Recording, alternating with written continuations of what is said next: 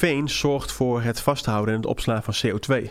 En als we op dit moment ergens behoefte aan hebben, is dat de natuur CO2 kan opslaan. Dus op het moment dat wij het veen kwijtraken, raken we ook zo'n fantastische opslagbuffer kwijt. Dat heeft alles met water te maken. Hè? We hebben het over hoogveen en dat staat of valt met een hoge grondwaterstand. Veen ligt hoog, de rest eromheen is afgegraven, dat water vloeit weg. En langzaam gaat het veen dood. Het laatste stukje oer-Nederland. Welkom bij Overstromen, de podcast van de ChristenUnie Vechtstromen en Drents Overijsselse Delta. Op 15 maart mogen we weer naar de stembus om te stemmen voor de provinciale staten en voor het waterschap in jouw regio. In deze podcast nemen we je graag mee in het werk van het waterschap. De vraagstukken die ons in de komende jaren allemaal raken en natuurlijk welke visie wij als ChristenUnie hierover hebben. Hoi, fijn dat je luistert naar Overstromen, de podcast. Ik ben Martine Buursten en je host in deze podcast.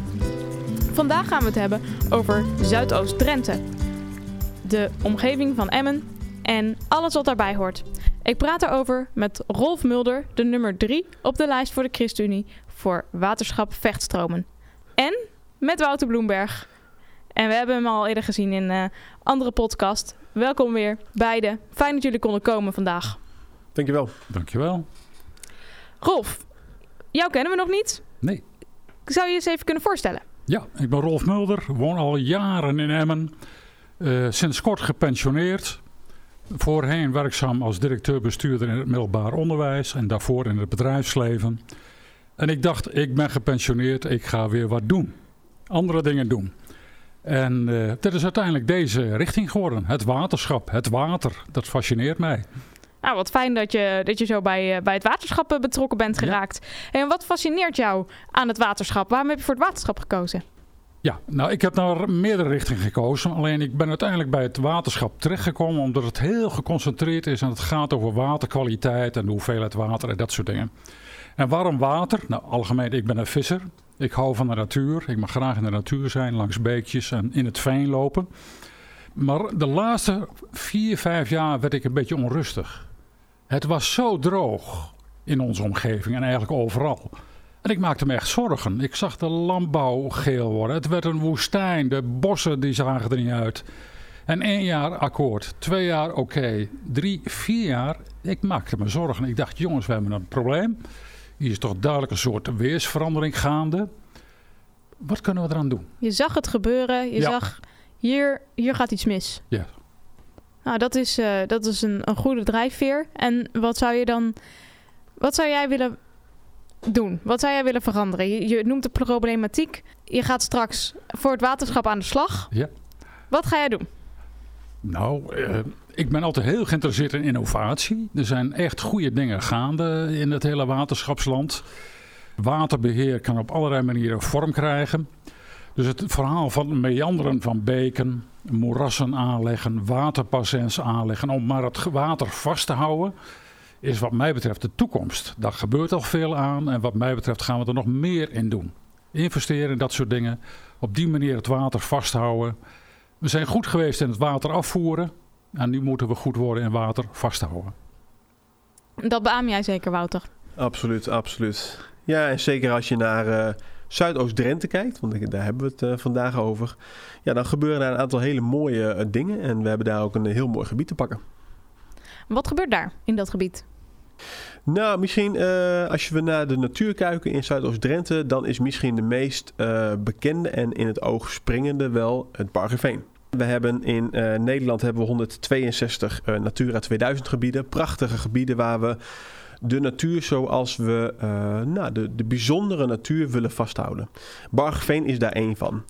En Bargeveen, dat typeert zich eigenlijk, het was vroeger een enorm groot gebied, uh, maar het is eigenlijk een van de laatste hoogveengebieden die we hebben in Nederland. Hoogveengebieden. En Rolf, wat heeft dat te maken met het waterschap?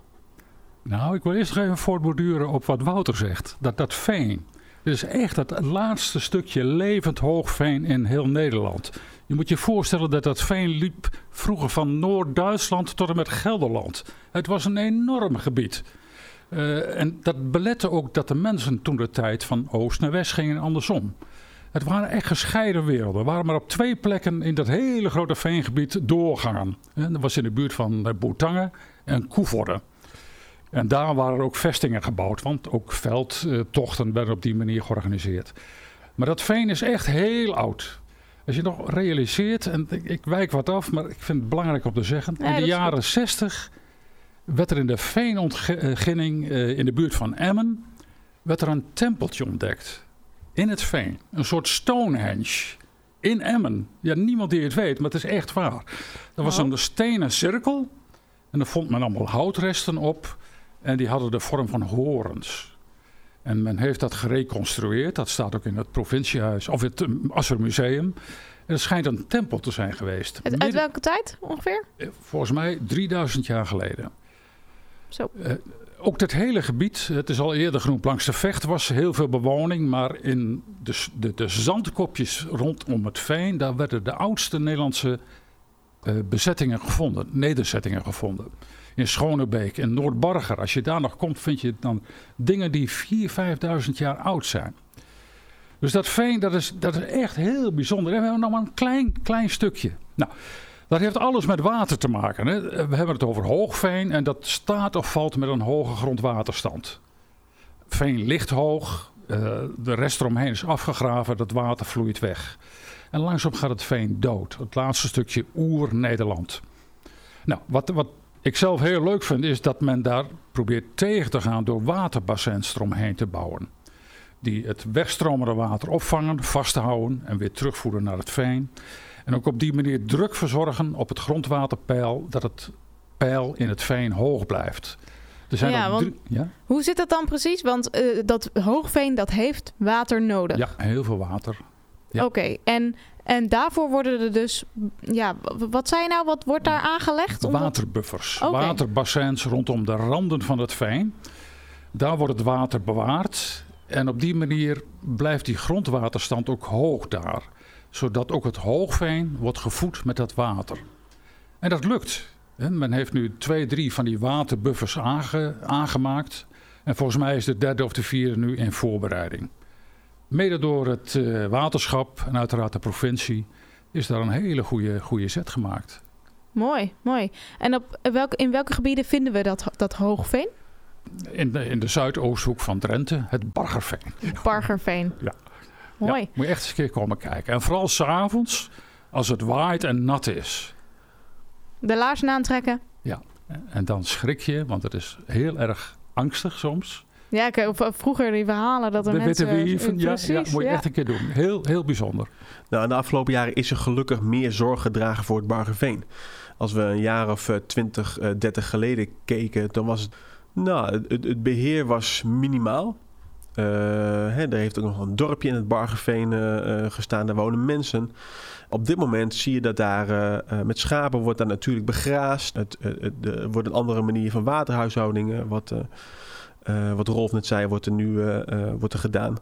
Dat maakt wel dat we beter zorgen voor zo'n bijzonder natuurgebied. Ja, want wat vinden we in die natuur? Je hebt het net over ehm, grazende schapen. Nou zie ik altijd een soort moeras vormen als ik aan veen denk. Hoe ziet die natuur er daaruit? Ja, je moet je voorstellen een moeras, af en toe boompjes. Maar als je goed kijkt, zie je hele bijzondere dingen. Zonnedauw. Je ziet daar soms velden vol zonnedauw. Dat is een vleesetende plant. Als die bloeit, wordt die rood. Dat, dat is echt uniek. Dat zie je nergens in Nederland. Je hebt daar slangen, krekels, je hebt hele aparte planten. Ik was daar vorig jaar met een bioloog uit Zeeland. Hij liep nog maar 10 minuten door het veen. En hij zegt, nou zeg, wat zie ik nu? Hij zag daar een heel klein vlinder- vlindertje. Ik vond er niks aan. Dat was het meest zeldzame vlindertje in Nederland. Oh, En dat, dat, dat vliegt daar en dat doet daar. En roofvogels, hartstikke mooi. dus Zuidoost-Drenthe heeft iets unieks. Absoluut. En, en ChristenUnie wil zich daarvoor inzetten om dat Mede. te bewaren en Ja, te behouden Ja, ja. en te onderhouden. Ja. Want wat gebeurt er als we niks doen? Gaat het dood. Gaat het dood. Als, als het hoogveen doodgaat, dat is A, een ramp. Natuurlijk gezien, ook voor het toerisme. B, het, het hoogveen is een soort waterspons. Er zit heel veel water daar. Ook een opslag van water. Dat raak je ook kwijt. Dat is ook niet goed in deze tijden van verdroging. Nee, we hebben al eh, eerder gehoord in de podcast eh, wa- waarom juist. zoetwater zo belangrijk is. Nou, en misschien ook goed om aan te vullen. Hè. Veen zorgt voor het vasthouden en het opslaan van CO2. En als we op dit moment ergens behoefte aan hebben, is dat de natuur CO2 kan opslaan. Dus op het moment dat wij het veen kwijtraken, raken we ook zo'n fantastische opslagbuffer kwijt. Ja, ja dus, eh, dus ja, het veen is een, een buffer. Een soort, ja, een, Ja. Een, een accu van, eh, van CO2. Ja, mooi gezegd. We hebben het nu zo over het veen in Zuidoost-Drenthe. Zijn er nog meer actualiteiten die spelen in Zuidoost-Drenthe? Nou, ik zelf woon ongeveer een kilometer af van de Puurwaterfabriek. En Iedereen kent dat in het Emmense. Hè? Dat is een, waterzuiveringsinstallatie die 100% puur water maakt. eh, voor eh, de NAM in Schonebeek. Dat is op zich al, al heel interessant. Maar het is extra interessant als je weet dat eh, de vervuiling van het water steeds meer toeneemt. We hebben het vaak over gewasbeschermingsmiddelen. Dat is al een probleem. Maar geneesmiddelresten is een nog groter probleem. Dat is, ik heb ge- gezien dat het wel drie, vier keer zo hoog is dan gewasbeschermingsmiddelen. Er gaat elk jaar 140.000 kilo aan geneesmiddelen in het riool via de huizen naar de heb je ook een eh, idee hoe dat kan? Want ik heb gewasbeschermingsmiddelen dat die in het water terechtkomen. Ja. Daar heb ik nog wel een idee van. Want Ja. nou, die gewassen die staan natuurlijk op een, op een, op een akker dat gelegen is aan, aan het water. Ja. Maar hoe, komt, er- hoe komen die medicijnresten zo, eh, zo in het water? Heb je er een idee van? Ja, eh, voor een deel gooit men overtollige gen- eh, geneesmiddelen via het toilet eh, de riolering in. Of via de wasbak. Of via de wasbak. Of het Oh, gaat ja. via de spijsvertering. Oh ja. En het geneesmiddelengebruik eh, stijgt, hè, onder andere door de vergrijzing. Nou, en als je dat ook weer combineert met de verdroging, dan kun je je voorstellen dat de concentratie van dat soort geneesmiddelen steeds hoger wordt. Nou, als dat in het milieu terechtkomt, is het niet goed voor flora en fauna. Het punt is dat, met, en dan kom ik langzaam op die puurwaterfabriek, de huidige technologie is er niet op gericht om dat spul weer uit het water goed uit te halen. Die technologie van die puurwaterfabriek of andere technieken, dat wordt de toekomst. Ik denk dat wij waterzuiveringsinstallaties moeten krijgen die ook dit soort dingen er goed uitzeven. Uiteraard eerst beginnen bij de bron, voorkomen dat mensen dit weg gaan gooien in het riool. Maar als het dan toch gebeurt, goed wegzuiveren, want anders krijg je problemen in het milieu. En het is een bijzondere innovatie hè, Emmen, de puurwaterfabriek. Want wat Rolf al zei, het was inderdaad bedoeld om water te zuiveren voor de NAM. Nou, daar kunnen we een hele hoop van vinden. Dat doen we ook. Maar door het gebruik van koolstof hebben we dus gezien, eh, nou, misschien wel een beetje bij toeval, dat we op die manier medicijnresten uit water kunnen zuiveren. En dat is een hele bijzondere ontdekking. Is dat, doet het waterschap dat? Het, water, ja, het waterschap doet dat, want de puurwaterfabriek staat naast, eh, of zeg, eigenlijk maakt onderdeel uit van de waterzuiveringsinstallatie in Emmen. Ja, we waren de aftiteling in deze aflevering even vergeten door ons enthousiasme. Maar dat mag de pret niet drukken. Zuidoost-Drenthe is een prachtig gebied. Het Bargeveen, de innovatie die plaatsvindt in de rioolzuiveringsinstallatie in Emmen, ontzettend mooi om te horen. De volgende keer is onze laatste podcast van deze serie. We hebben het dan over de financiële kant van het waterschap. Hoe zit die waterschapsbelasting eigenlijk in elkaar en waar betalen we voor? Volgende keer neemt Herman ons mee in de zoektocht naar dat antwoord. Tot de volgende Overstromen.